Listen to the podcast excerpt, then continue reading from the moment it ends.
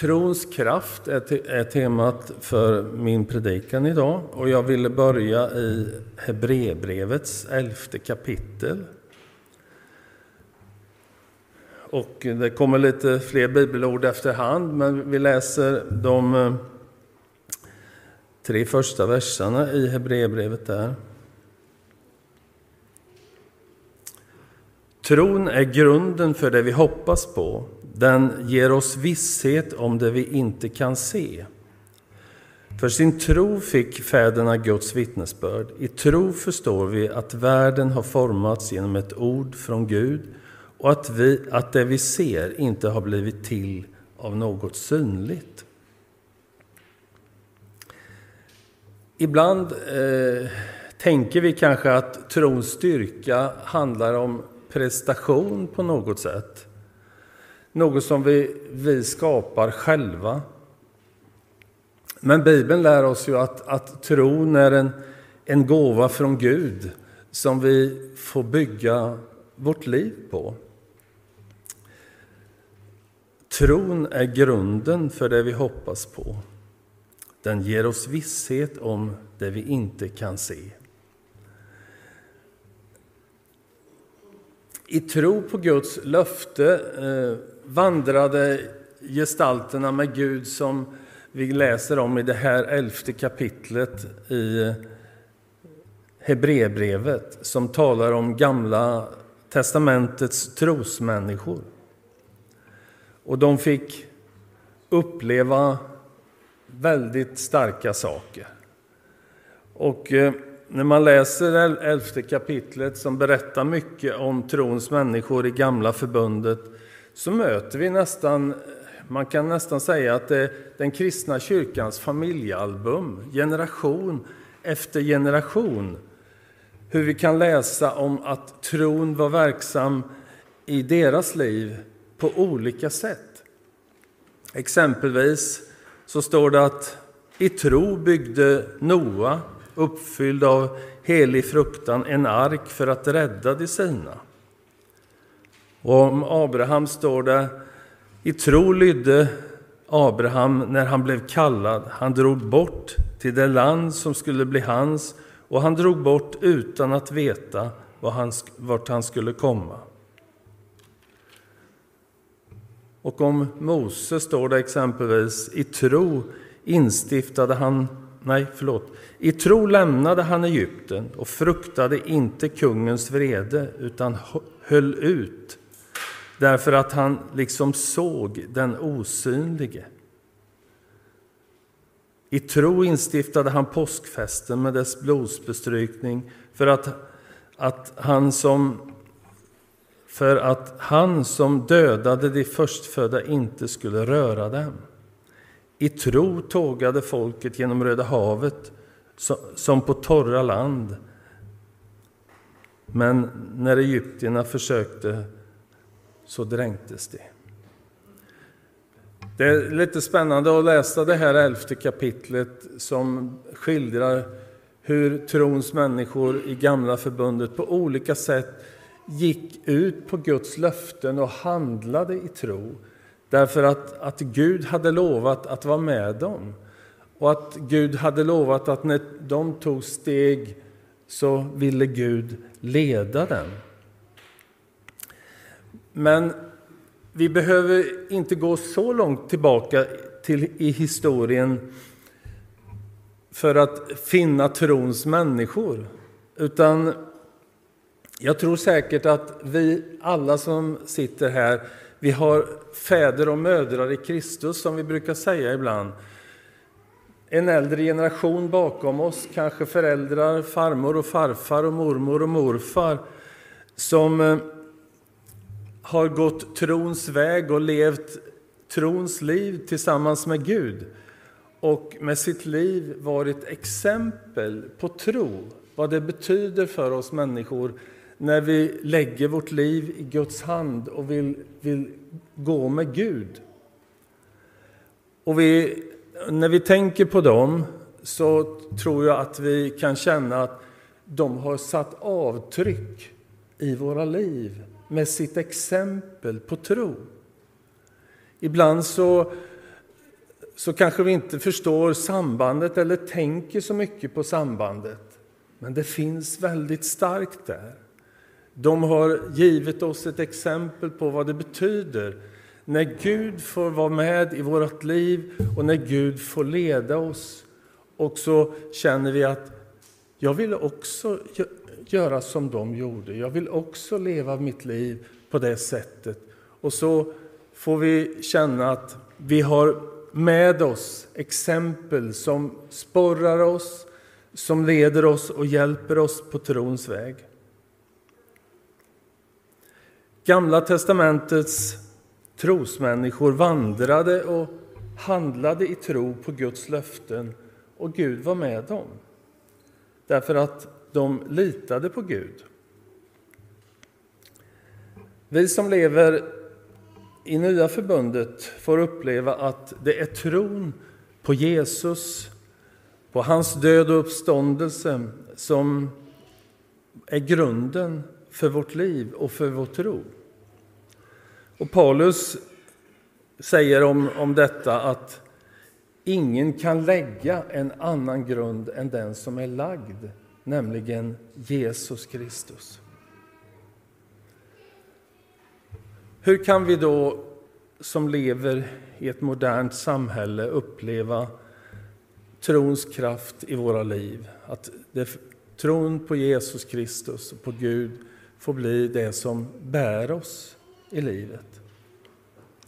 Jag ville peka på några tidlösa källsprång som vi, tror jag, kan ösa ur och har gjort och gör. Men jag tror vi behöver påminna varandra om det gång på gång också. Och det första som jag skulle vilja säga det är, är ju Guds ord.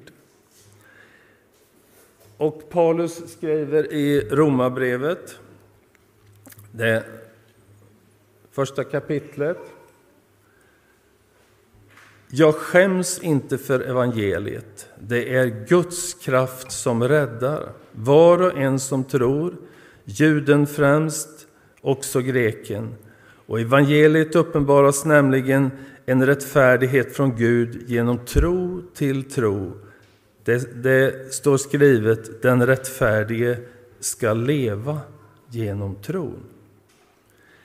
Evangelium, glädjens budskap om Jesus Kristus, det är Guds kraft till räddning, skriver Paulus. Och så har vi mötts av evangeliet, av Guds ord, i olika sammanhang.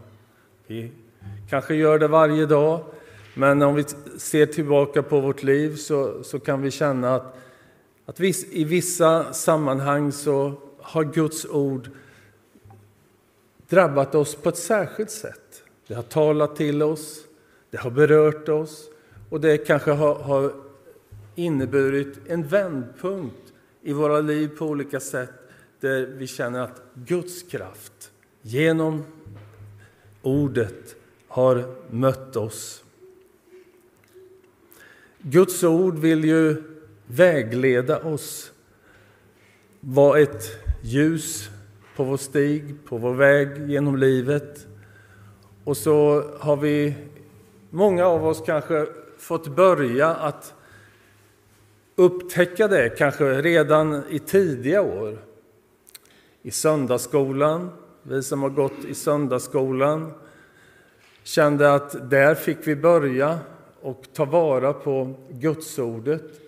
Vi fick en minnesvers varje söndag som vi skulle memorera Guds ord in i våra liv. Och så fick vi en, en ny vers nästa söndag och så vidare. Och eh, barn och ungdomsgrupper som vi har glädjen att ha i vår församling. Gruppen är på läge nu, avslutar idag.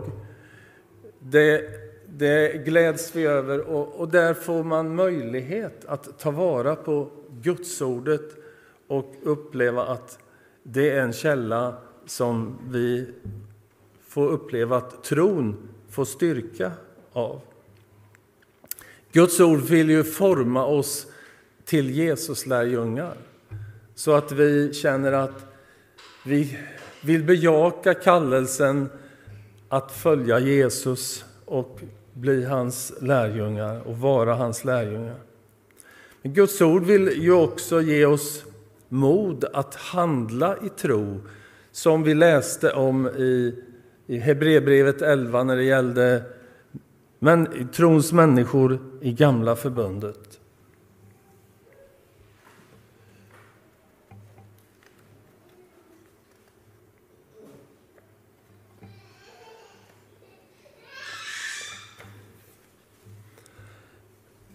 Guds ord är en källa att uppleva att trons kraft verkar i våra liv.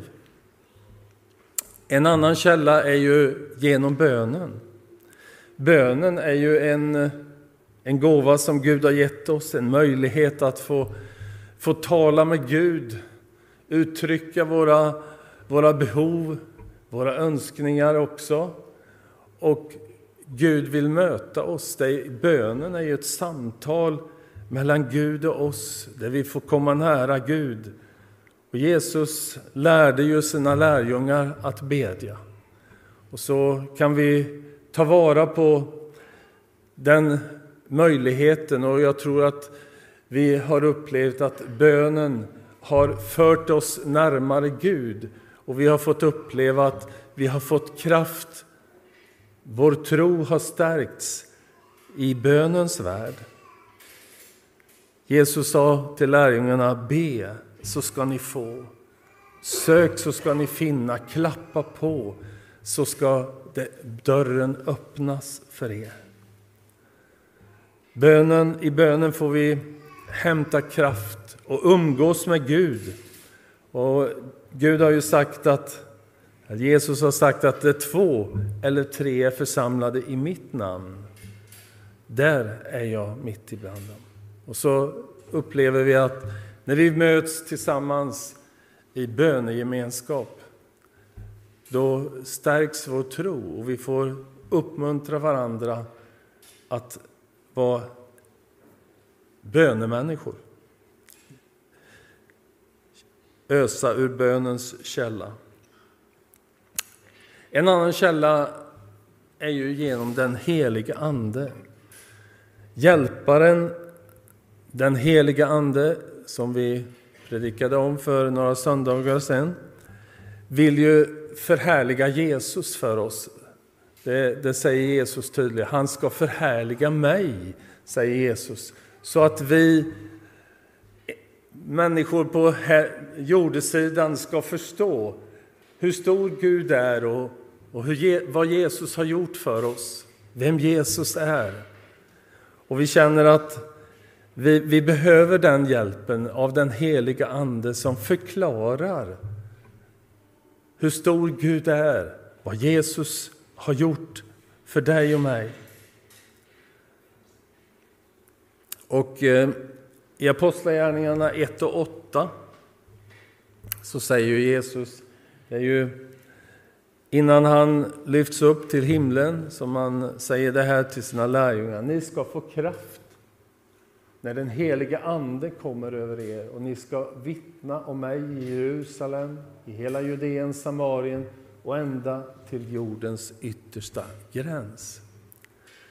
Vi får uppleva kraft genom den helige Ande att vara Jesu lärjungar, att också vittna om honom ni ska vittna, för ni har ju varit med mig, sa Jesus till, till sina lärjungar. Och så får vi leva med Jesus och upptäcka vem han är. Den heliga Ande förklarar Jesus för oss på ett tydligt sätt och så får vi uppleva kraft att dela det vittnesbördet med varandra och med människor. Så läser vi också om i Paulus skrev ju om det i Första Korinthierbrevet speciellt, att Gud vill utrusta oss med andliga gåvor genom den helige Ande för att vi ska få kraft att vara Jesu lärjungar, att vittna om honom och att vara trons människor där vi finns. Det sista jag ville, ville nämna som, som eh, källsprång för den kristna tron, det är den kristna gemenskapen.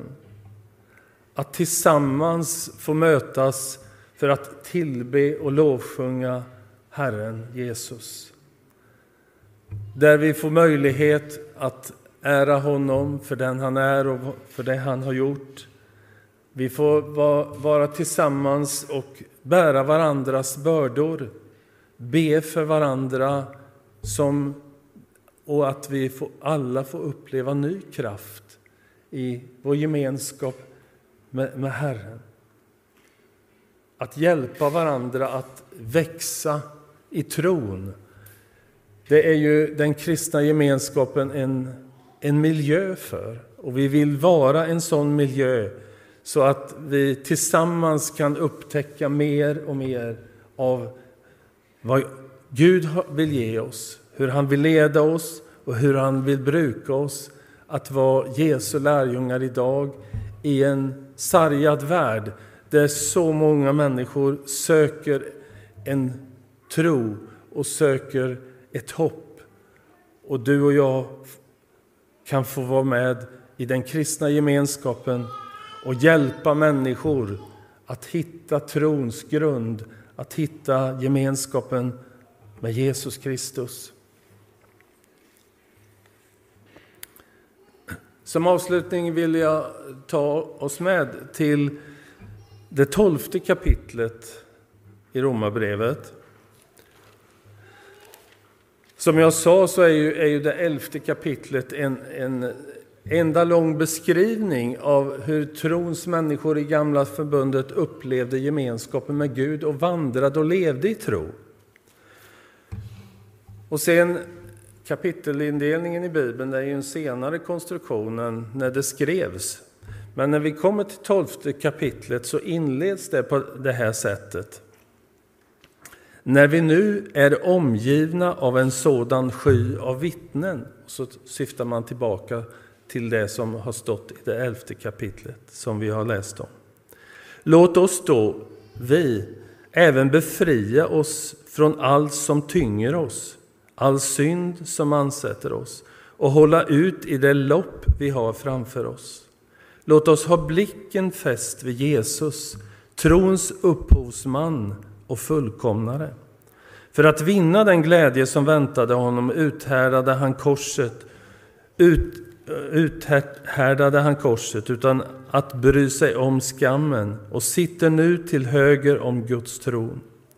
Tänk på honom som har uthärdat sådan fiendskap från syndare så att ni inte tröttnar och förlorar modet. Det är uppmaningen från Hebreerbrevets författare att inte tappa fokus i den värld som vi lever. Låt oss ha blicken fäst på Jesus, trons upphovsman och fullkomnare. Jesus är ju trons källa. Det är i honom som vi får hämta kraft så att tron får bära oss. Tron ska ju inte vara en börda för oss, utan tron ska vara det som bär oss gemenskapen med Jesus. Och ibland så känner vi ju att det är så mycket som vill uppta oss människor i, i den här världen och som lätt tar fokus från det, det väsentliga, från centrum. Och här är ju författaren inne på hur viktigt det är att vi har blicken fäst på Jesus.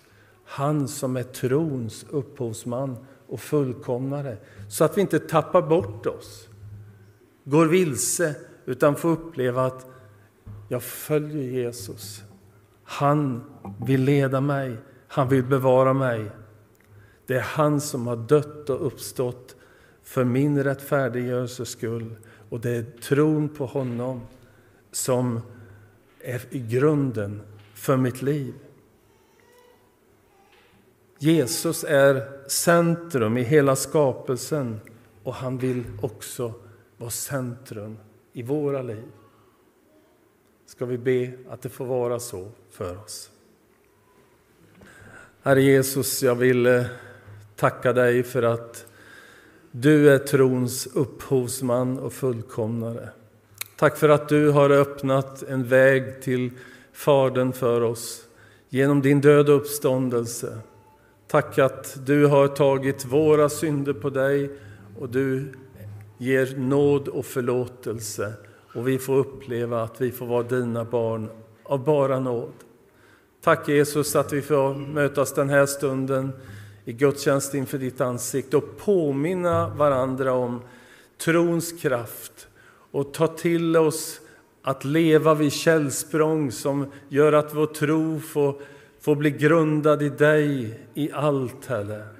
Tack Jesus att vi får överlämna varandra i dina händer och be att vi tillsammans får vandra trons väg med dig. Amen.